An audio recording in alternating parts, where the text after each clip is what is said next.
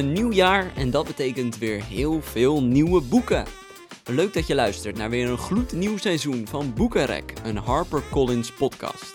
Ik ben Sjors en ook dit jaar ga ik weer in gesprek met jouw favoriete auteurs om te horen hoe zij tot hun nieuwe boeken zijn gekomen. En geloof me, het belooft weer een heel mooi nieuw seizoen te worden. Zoals gezegd is het weer een nieuw jaar en dat betekent dat we weer met een frisse blik vooruit kunnen kijken. Zeker na zo'n gek jaar als 2020 hebben we allemaal wel behoefte aan wat positiefs in ons leven. En iemand die je daarbij echt kan helpen is auteur Kamal Ravikant. In zijn boek Love Yourself, alsof je leven ervan afhangt, vertelt Kamal Ravikant hoe we door onszelf lief te hebben een beter leven kunnen leiden. Onvoorwaardelijke liefde met heel je hart en met elke gedachte en in elke seconde. Maar de vraag is natuurlijk, hoe doen we dat nou? Glad to be joined on the Boekenrek podcast by the author of the book Love Yourself, alsof je leven ervan afhangt. Kamal Ravikant, welcome. Thank you. Uh, I've never heard my title in, in Dutch. I love it. How are you? I am good. I'm still waking up, as we talked earlier. It's about 9 a.m. here, and I overslept. So thank you very much, and I hope uh, I hope I hope I'm useful to your audience as I wake up. I'm sure that will be fine. And uh, how have you uh, been experiencing these last couple of months? I uh, I heard you you had some uh, rough couple of uh, weeks. Well, actually, I had a rough five months. I uh, this is before COVID started. I I went in for elective surgery. I went in for elective surgery, excuse me, and I went horribly wrong, and I basically died in the hospital, and had to do emergency surgery to save my life, and then I spent about five months recovering from that uh, which was not a not a pleasant experience. And then COVID happened, and so it's just been um, time for healing, uh, time for healing and getting better. And it's very interesting. Seems like the world is doing the same. Yeah, um, like uh, when we, we were all concerned about uh, about COVID, you had your own uh, personal crisis.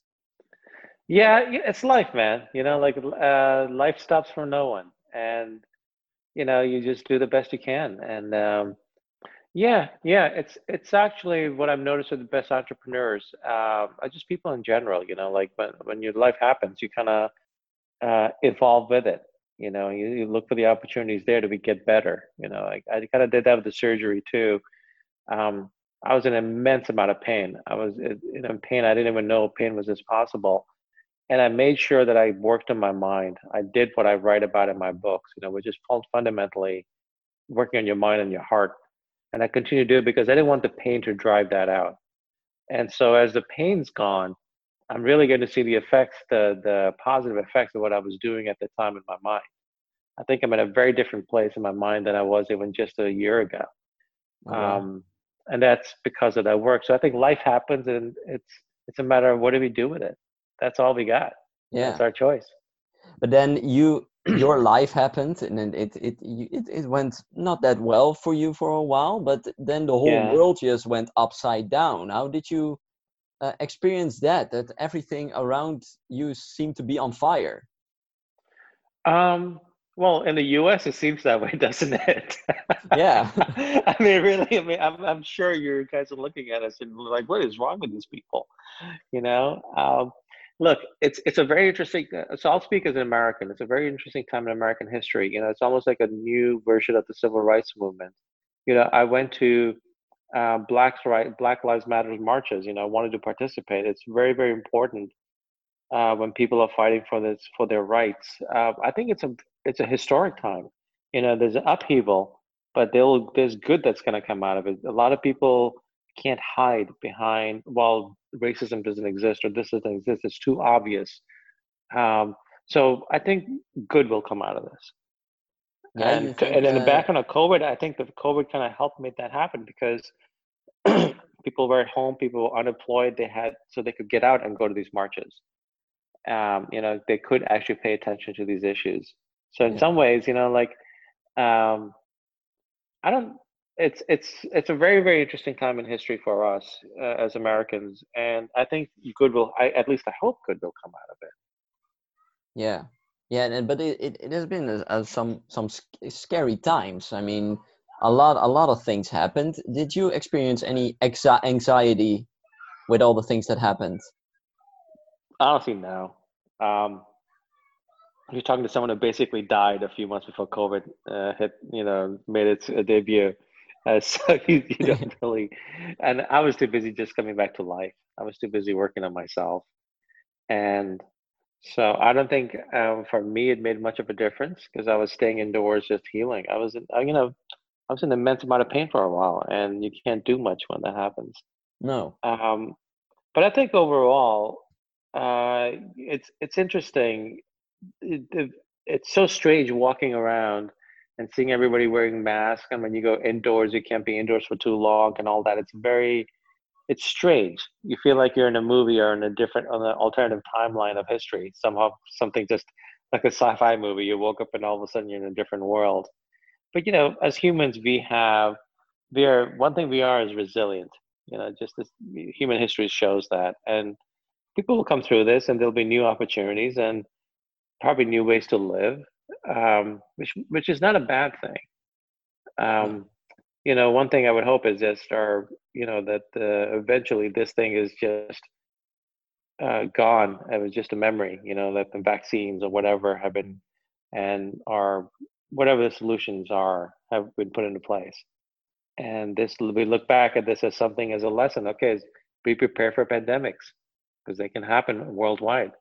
People dealing with this uh, in a different way, like you said, you uh, you've dealt with your own crisis to look very deep inside yourself and in, inside your mind. Um, but there are a lot of people um, who don't know how to do that and who will just panic and be anxious.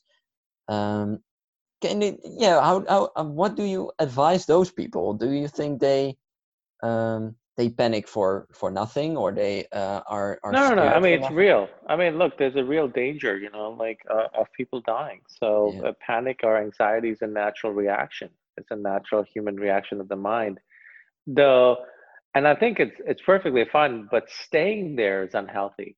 Now look it's tell, telling someone that is easy right? Yeah. Living it is is the hard part right which is but which is what i which is what I'm about, which is what I do for myself, which is what I write about. In the end, is working on my on your mind and your heart to be better, to be better you. I don't mean better to be better for others, just to be better for yourself. And it's very interesting when you work on yourself, like things just get better. That's something I've learned is like your life gets better. Uh, things just start to work. Uh, it just seems to be like some sort of law of nature that that that, that things are designed that way. Yeah. So I think anxiety and worry are natural in such circumstances. Not staying there is not helpful and can actually um, hurt. No, and, and we will get to the the message from your book because that's where we're uh, where we're going. But I want to get a little bit personal with you. Would you call sure. yourself um, an emotional person? Uh, yeah, I would say so. I feel emotions deeply. Yeah, yeah. yeah. Have you I always mean, been like emotional, that? Yeah, yeah, I have, I have. You know, and it's you know, eh, you know, like I had saw this woman tell me years ago something that that really stayed with me. Uh, she said, "You're you're incredibly sensitive, aren't you?" And I said, "Yeah." And she said, "She said you think you seems to be that you think your sensitivity is your greatest weakness." And I said, "You're right, I do." And she said, "Have you ever considered that your greatest strength?" And it was like one of those like the heavens opened up the angels sang and i was like oh my god she's right because i couldn't write the books i do if i didn't feel so deeply. You know i couldn't express my thoughts the way i do uh, if i couldn't feel this way. So i've come to you know i've come to embrace that as a writer and i go deep in it when i write. And it's not necessarily always easy because uh, you have to feel because know, ultimately you want the reader to feel the truth of what you're writing, and you can't do that if you're not feeling it while you're writing it. And how was that like when you were? Now you can, you know, how to deal with your emotions. You know how to love yourself. But how was that uh, like for you when you were growing up? That you were a sensitive person. That's a great question. It seemed like a weakness, you know. Um, it seemed like a weakness and i think i had to come into my own and realize that you know and be told and realize that was a strength but yeah it seemed uh, i was a, i was a sensitive kid. And why would you consider that a weakness? Well when you're feeling pain or heartbreak or loss or grief or anything and you're feeling it deeply for long periods of time you consider a weakness. So you, you could know? you could just take those emotions and, like you said, you you would just harness them. You couldn't let them go.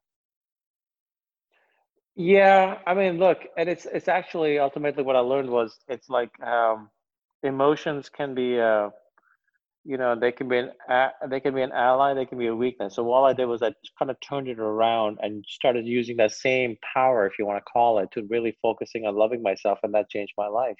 Yeah. If I hadn't had that ability, I probably couldn't have come up with this on my own. You know that I did, and that was just my own thing. I never set out to write a book about it. I'm not, you know, I've written uh, a very successful self-help book, but I'm not a self-help writer. You know, I'm an uh, I'm an entrepreneur. I'm in Silicon Valley. I build companies. I invest in companies. I was in the military. I was a soldier. You know, I um. You're not some guru. Like, no, I nor do I want to be one. No. You know, I have zero desire to be a guru. No, no, no, I'm just a guy who lives life and works really, really, really hard on himself to be better. And then what I learned what is and you know what I learned I share in my books and books are the most important thing to me in the world. When I was a child, we went through some really hard stuff. Books are my refuge. They literally saved, you know, they were my refuge. They were what I disappeared into when things got really bad. And so be able to do that. Uh, so I've always cared about the written word, and I dedicated a good part of part of my life to really uh, studying the craft of writing, so I could express my thoughts in a way that were just succinct easy, simple, but deep. And so to be able to now express what I, as a man who's who lives life, and and work on himself, but to to share my lessons in the same format that was so important to me as a child, it's a beautiful, beautiful, magical thing. Yeah. What what what would you read then? Sorry. What would you read then that that that inspired? When I was a child. Yeah. Um, I, you know, boy, I went through phases. I read like detective novels. I was big into science fiction. You know, classic boy stuff. Yeah, and th- those things that you could just get let get lost in those stories. Yeah, completely. I remember there was one summer. Um, I think I read over two hundred something books. And I would just go to the library every day, and I would just like get books and like finish them, and just I, I would read until like I I could I couldn't even keep the eyes open and get up next morning and then go back to the library and just get more and um, that was that was my escape. But also maybe if you look at it, you know if you to be a writer you have to be a reader. You have to care about the format. It's a yeah. it's a very you know especially these days you know there's so many ways you can you can um, express yourself creatively and writing is not the easiest one. It's a there's an art but there's a craft you know the art is art is in the first couple of drafts but then there's the craft that's in the rest of the drafts. And hemingway said writing is in the rewriting. So it's it's work and uh, you have to care about it. You have to care enough about the written word if you want to be a writer and express yourself that way. Yeah. And like you said you you you, you worked on on silicon valley uh, years later and you were a successful business yeah, you still do, but uh, you were a, successful businessman before. Um, but there came a moment um, the, when things started to fall apart, right? That you thought, okay, why am I doing this? Well, it's it's you you're very gentle about it, and I appreciate that. It was actually far more uh, uh, harder than that. Uh, there was a company I built, and um, I had self-funded it myself, and after about three and a half, four years, um, you know, I was completely burnt out, and the company fell apart, and I lost everything, like all the money I made in my career. Um, my, you know, I lost everything, and I was in a very, very dark place. Um, and um, then, then, you know, like uh, all these other things happened at the same time that just made it even darker. And, and a, you know, I, I, I was in a miserable place, and in fact, I, you know, I often say like if I was depressed, that was a good day and um, and one morning, or it was no, it was one night. Um, I was in my bedroom and I'd been crying about a friend who had died recently, and so that had also happened. And I realized I couldn't stay in this place anymore. I had to get out or die trying. I was just too. I was in such a place of misery, and and I got up and I and I staggered over my desk because I was also quite sick. Um, I was just burnt out, and um, I wrote this vow to myself in my journal. And the and the vow that came from a very, very deep place. I didn't plan to write a vow. I didn't plan to write, especially the vow that came out. Ended up being a vow about loving myself, which is actually the whole vow itself is in the book. And I remember sitting back after I wrote and thinking, what did I just do? Um, here was in front of me was a vow. You know, the the short version of it is to love myself. I don't know where that came from because I was not the guy who used to think about loving himself. I used to work on myself in other ways, but not in the concept of love and for myself.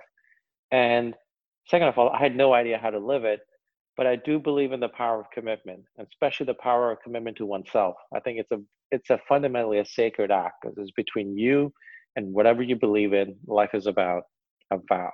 So I had to live it. I had to figure it out, and that's where I started working myself purely from the from the standpoint of loving myself, and which fundamentally changed my life, and which is what you know I shared in the book is exactly how I did it. And what's amazing, you know, here's what's amazing.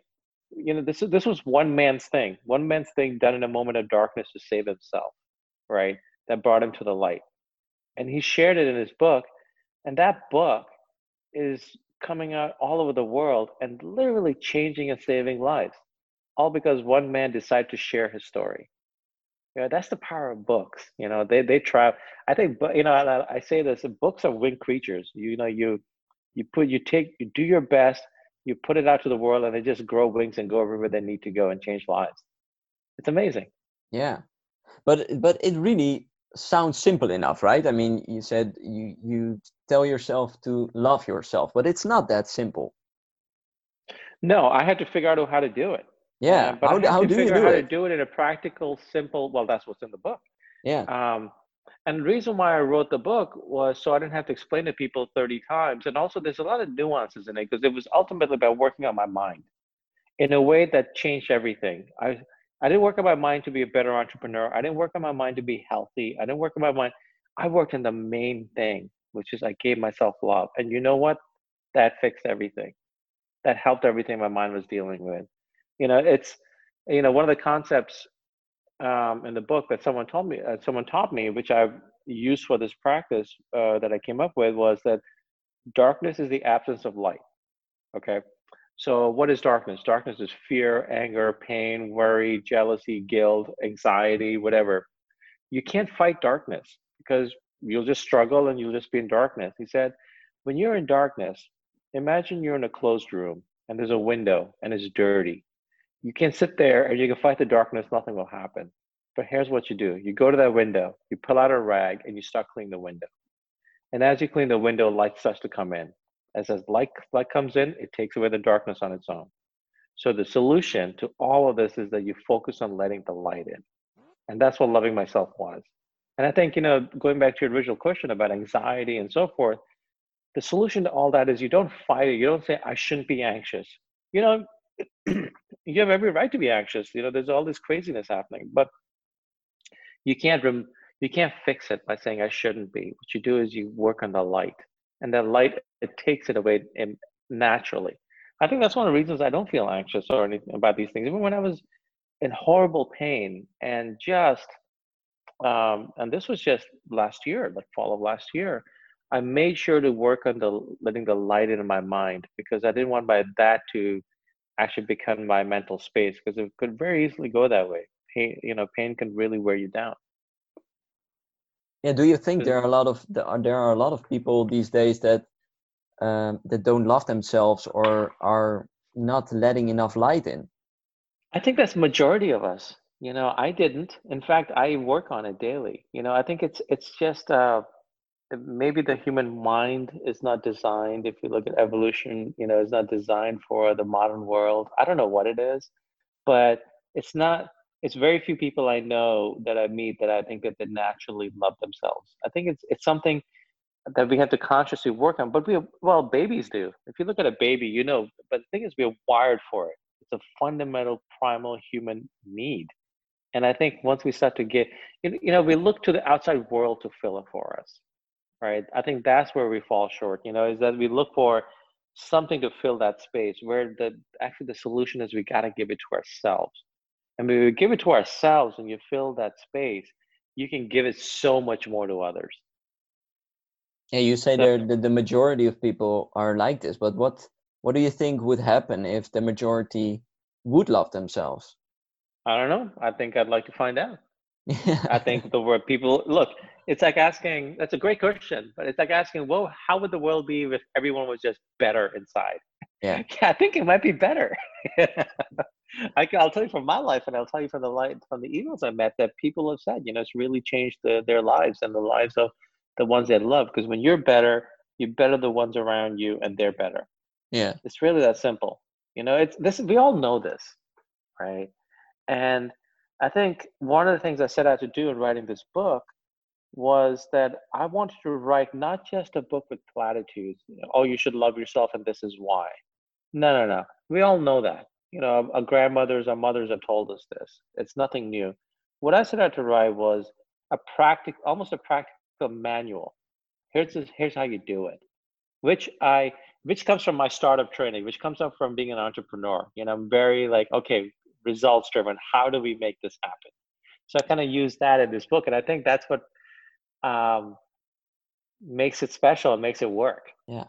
Well, I uh, I urge people uh, to uh, to read your book, Love Yourself, alsof je leven ervan afhangt in Dutch. By, I love that. Yeah, and I want to thank you for your time uh, today on the podcast to give me a, a little bit more insight in uh, in the man behind the book. Kamal Ravikant, thank you for joining us. Oh, it was a true pleasure. And to whoever's listening, you know, if you read the book, my email's in there. Please email me. Let me know what you thought. Dus kun jij ook wel wat positiviteit in je leven gebruiken? En heb je vooral hulp nodig om de waarde in jezelf terug te vinden? Je kunt Kamal Ravikant natuurlijk persoonlijk mailen. Of je leest zijn boek Love Yourself alsof je leven ervan afhangt. Dit boek kun je natuurlijk vinden in alle on- en offline boekhandels. En dat was het weer voor deze aflevering van de Boekenrek podcast. Voor meer gesprekken vind je ons op Apple Podcast, Spotify en alle andere podcast apps. Ik hoor ook heel graag van jou als luisteraar wat je van de podcast vindt en welke auteurs je nog eens zou willen horen dit seizoen. Je kunt dit sturen naar info@harpercollins.nl. Voor nu wil ik je bedanken voor het luisteren. Ik wens je nog een fijne dag. Blijf thuis, blijf gezond en blijf vooral lekker lezen. Tot de volgende keer.